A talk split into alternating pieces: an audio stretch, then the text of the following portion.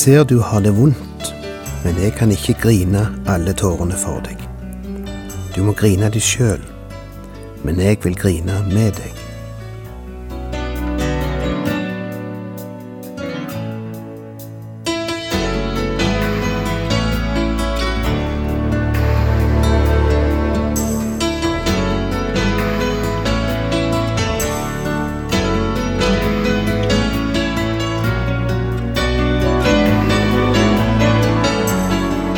Hjertelig velkommen til et nytt program i serien Vindu mot livet. Vindu mot livet er basert på programserien Insight for Living ved Chuck Svindal. Programmet er produsert av Kristen Riksradio og blir ledet av Ola Bjoland.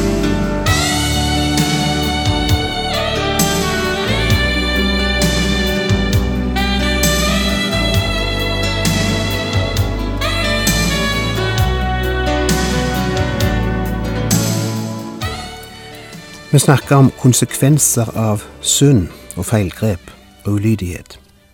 Det er det disse kapitlene i andre Samuelsbok dreier seg om. David måtte bære store konsekvenser av sine handlinger, selv om han hadde bekjent og fått tilgivelse av Gud. Og ikke bare måtte han bære konsekvensene, det var også en del andre mennesker som måtte li på grunn av Davids feilgrep. Det var en familie som lei. Det var noen barn som lei.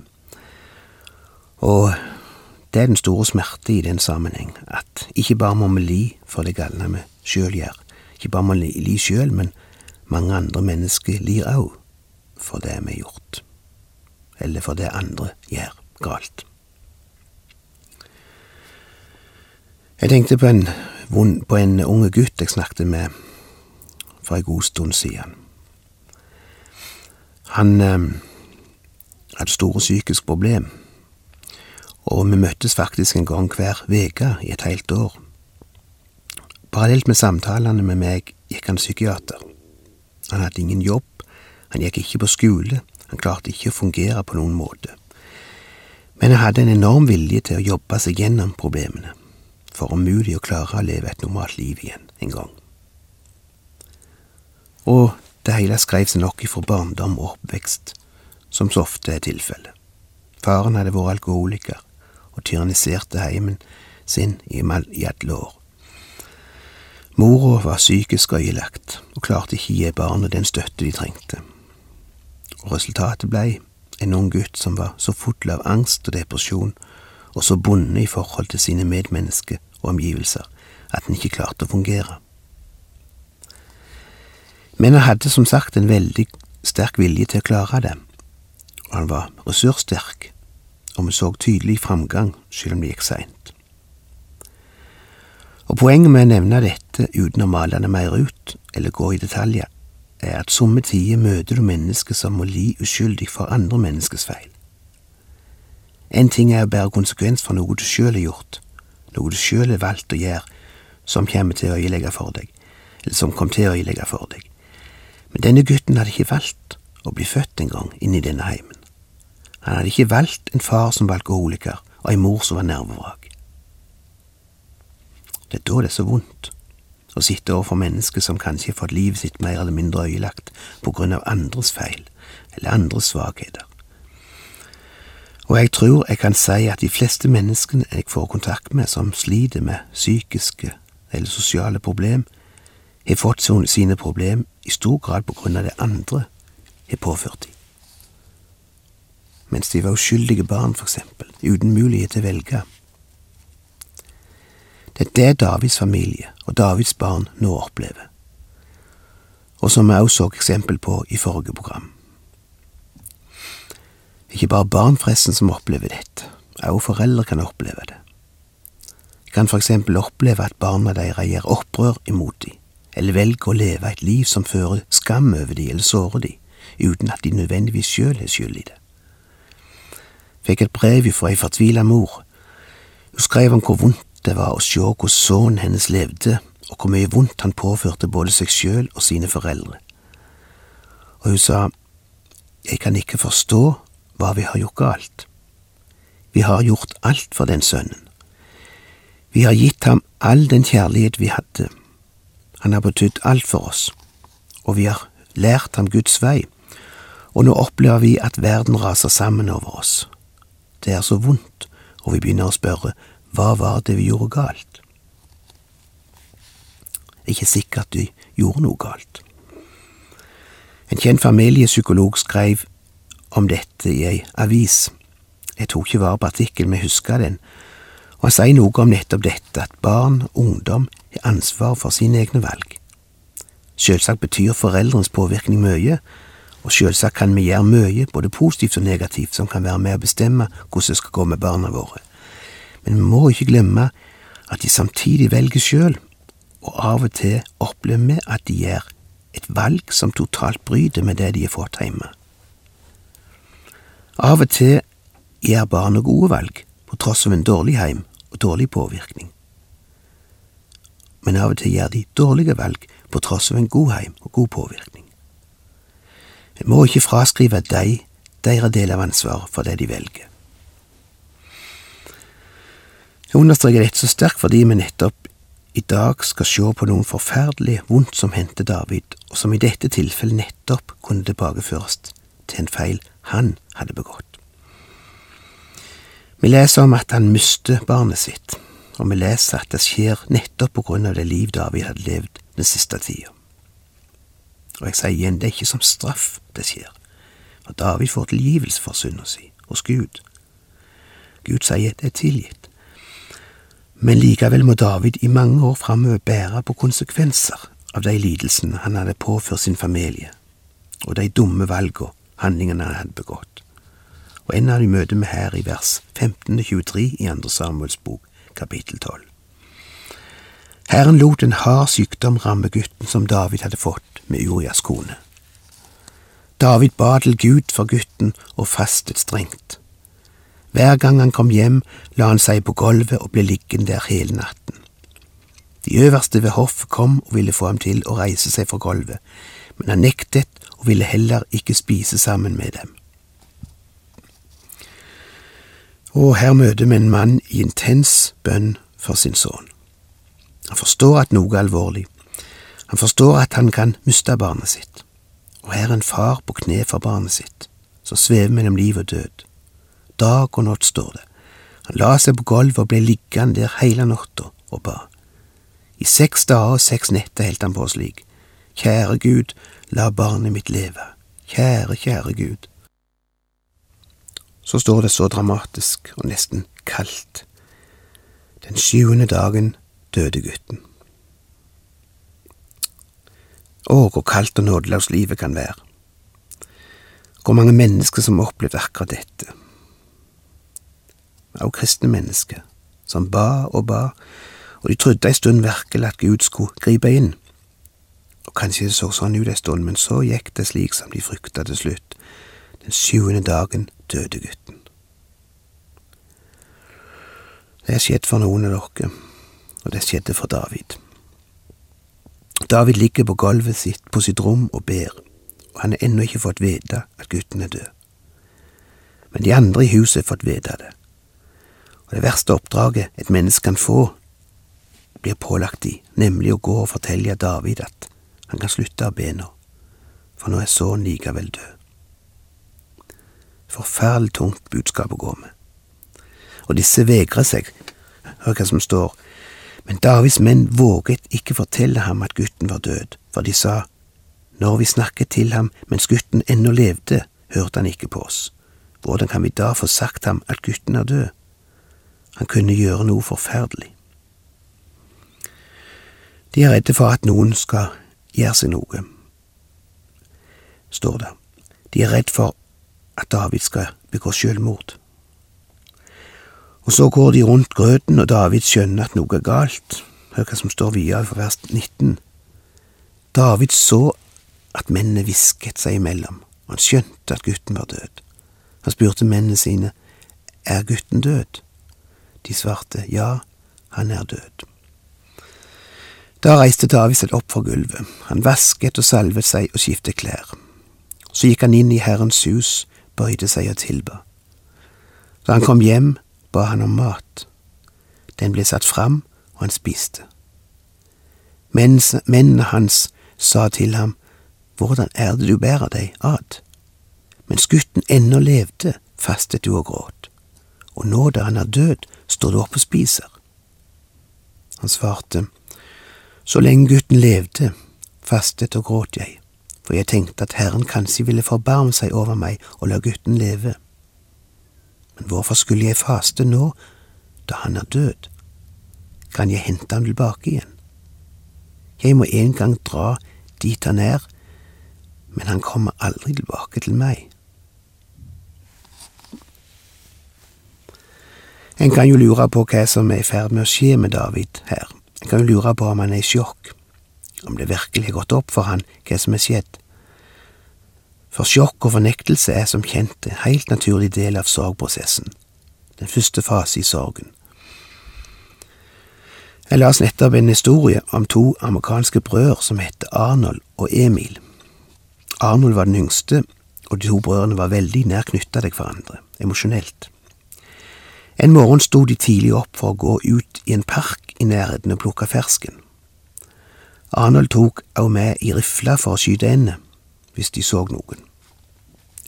Idet de skal klatre over et gjerde, så detter Arnold, og geværet går av og skyter broren gjennom hodet. Han blir drept. I plassen for å springe hjem fortsetter Arnold sin tur i parken og henter fersken som om ingenting skulle ha skjedd. Etter halvannen time kommer han hjem med frukten han har plukka. Og etter hvert som tra tragedien blir kjent, begynner de jo å undres over hvorfor han ikke er meldt fra om ulykken, og hvorfor han lot sin døde bror ligge der uten å rapportere. Selvsagt blir drapet etterforska, og han blir arrestert og mistenkt. Problemet var at Arnold var i sjokk, og han kunne ikke gi noen fornuftig forklaring på hvorfor han hadde latt broren ligge. Det er en mekanisme som av og til trer funksjon i slike brutale situasjoner. Somme tider er det så det vonde så vondt at en blir på en måte slått bevisstløs i følelsene går ikke opp for en hva som er hendt. Er det det som er skjedd med David her? Noen mener det. Noen mener at David rett og slett er i sjokk. Men jeg tror heller det er det at David er veldig realistisk.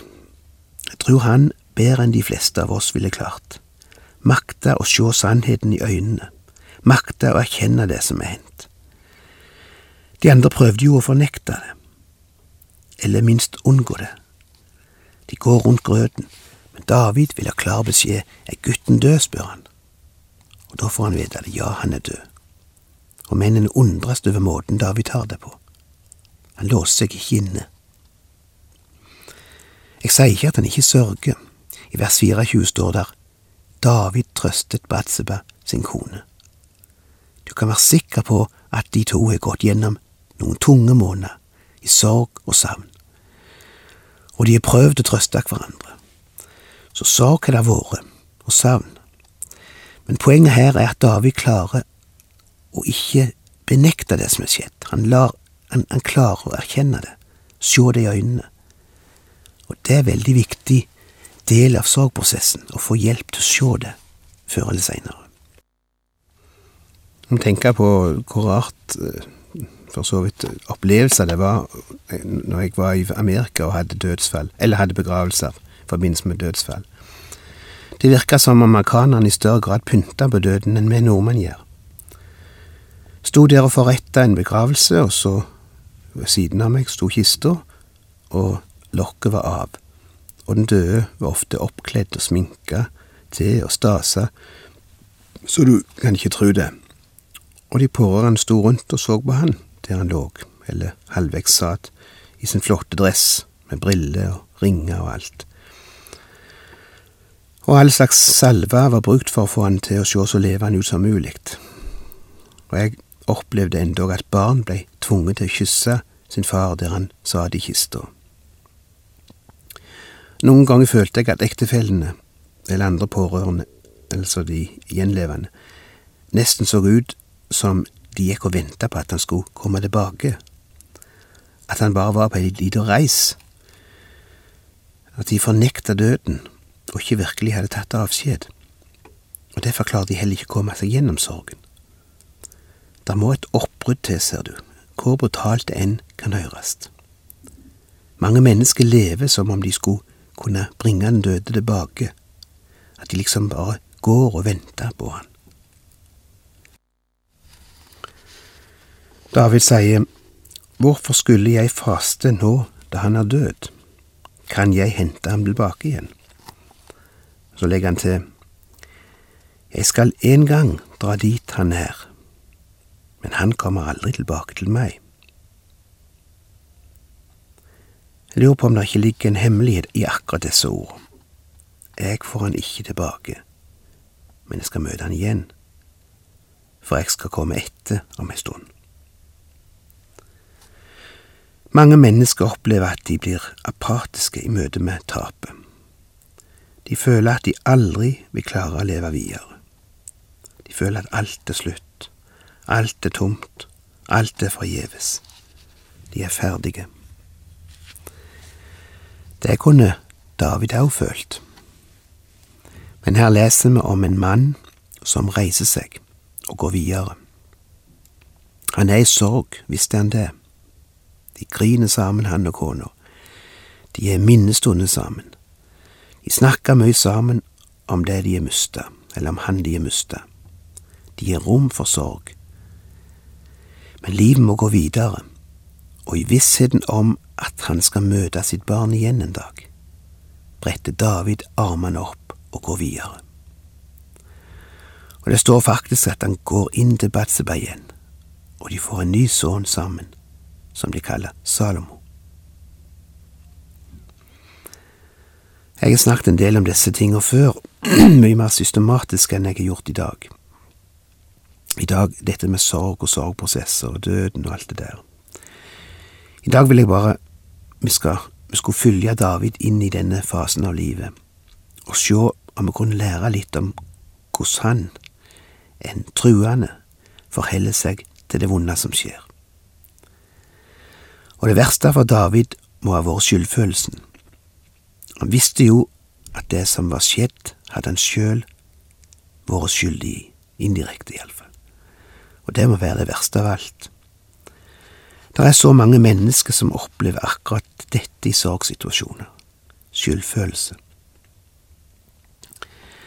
Jeg vet ikke om jeg kan gi noen løsning på det problemet akkurat nå, bortsett ifra å få fram at også David måtte oppleve dette.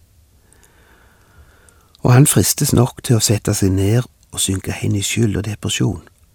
Sjølsagt gjør han det. Og hans nærmeste kan ikke forstå hvorfor han ikke gjør det, eller hvorfor han ikke synker ned i, i og sjøl. Men her ser vi igjen noe av den karakter som gjør David til en mann etter Guds hjerte. Ikke fullkommen, nei da han er full av feil, og likevel har han ei tru som vi bare må bøye oss i respekt for. Han klarer å se realistisk på det som er skjedd, han klarer å se framover, han klarer å gjøre seg bruk av den tanke at om gutten er borte, så skal han få en dag få møte han igjen. I mellomtida skal, skal jeg leve, tenker David, og bruke livet Gud har gitt meg. En prest fortalte om en vond begravelse han hadde vært i ei tid tilbake. Det var så håpløst og mørkt en situasjon, et selvmord faktisk. Og foreldrene hadde på toppen av sorgen og sjokket massevis av skyldfølelse. Og det var berettiget skyldfølelse. Hva skal du si da? Hva skal du si i en begravelse der alt virker bare håpløst? Jeg klarte ikke engang å holde en skikkelig andakt, sa han. Alle ord ble liksom så tomme. Jeg hadde ikke noe å si. Da var det at jeg greip til sangen av Bjørn Eidsvåg, og rett og slett las den som andakt ved båra, og det blei den sterkeste begravelsestalen jeg noen gang har holdt, sa han. Jeg har aldri i mitt liv opplevd en slik begravelse. Og kanskje det er noen som lytter i dag som òg kan få hjelp av denne sangen. Kanskje det er noen i sorg, eller fortvilelse, eller mørke, Hør hva den sier. Jeg ser at du er trøtt, men jeg kan ikke gå alle stega for deg. Du må gå deg sjøl, men jeg vil gå deg med deg. Jeg ser du har det vondt, men jeg kan ikke grine alle tårene for deg. Du må grine de sjøl, men jeg vil grine med deg.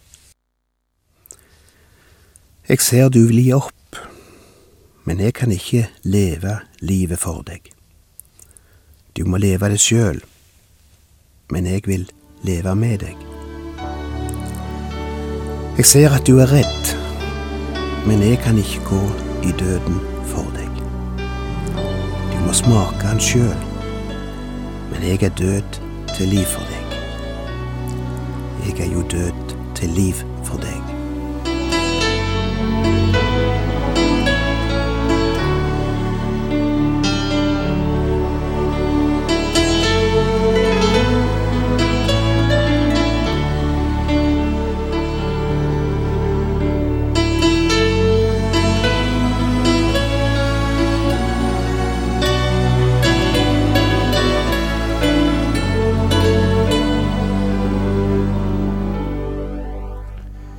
Du har lytta til Ola Bjoland i serien 'Bindu mot livet' fra Kristen Riksradios arkiv. Ola Bjoland var ansatt i Kristen Riksradio til han døde i 2002.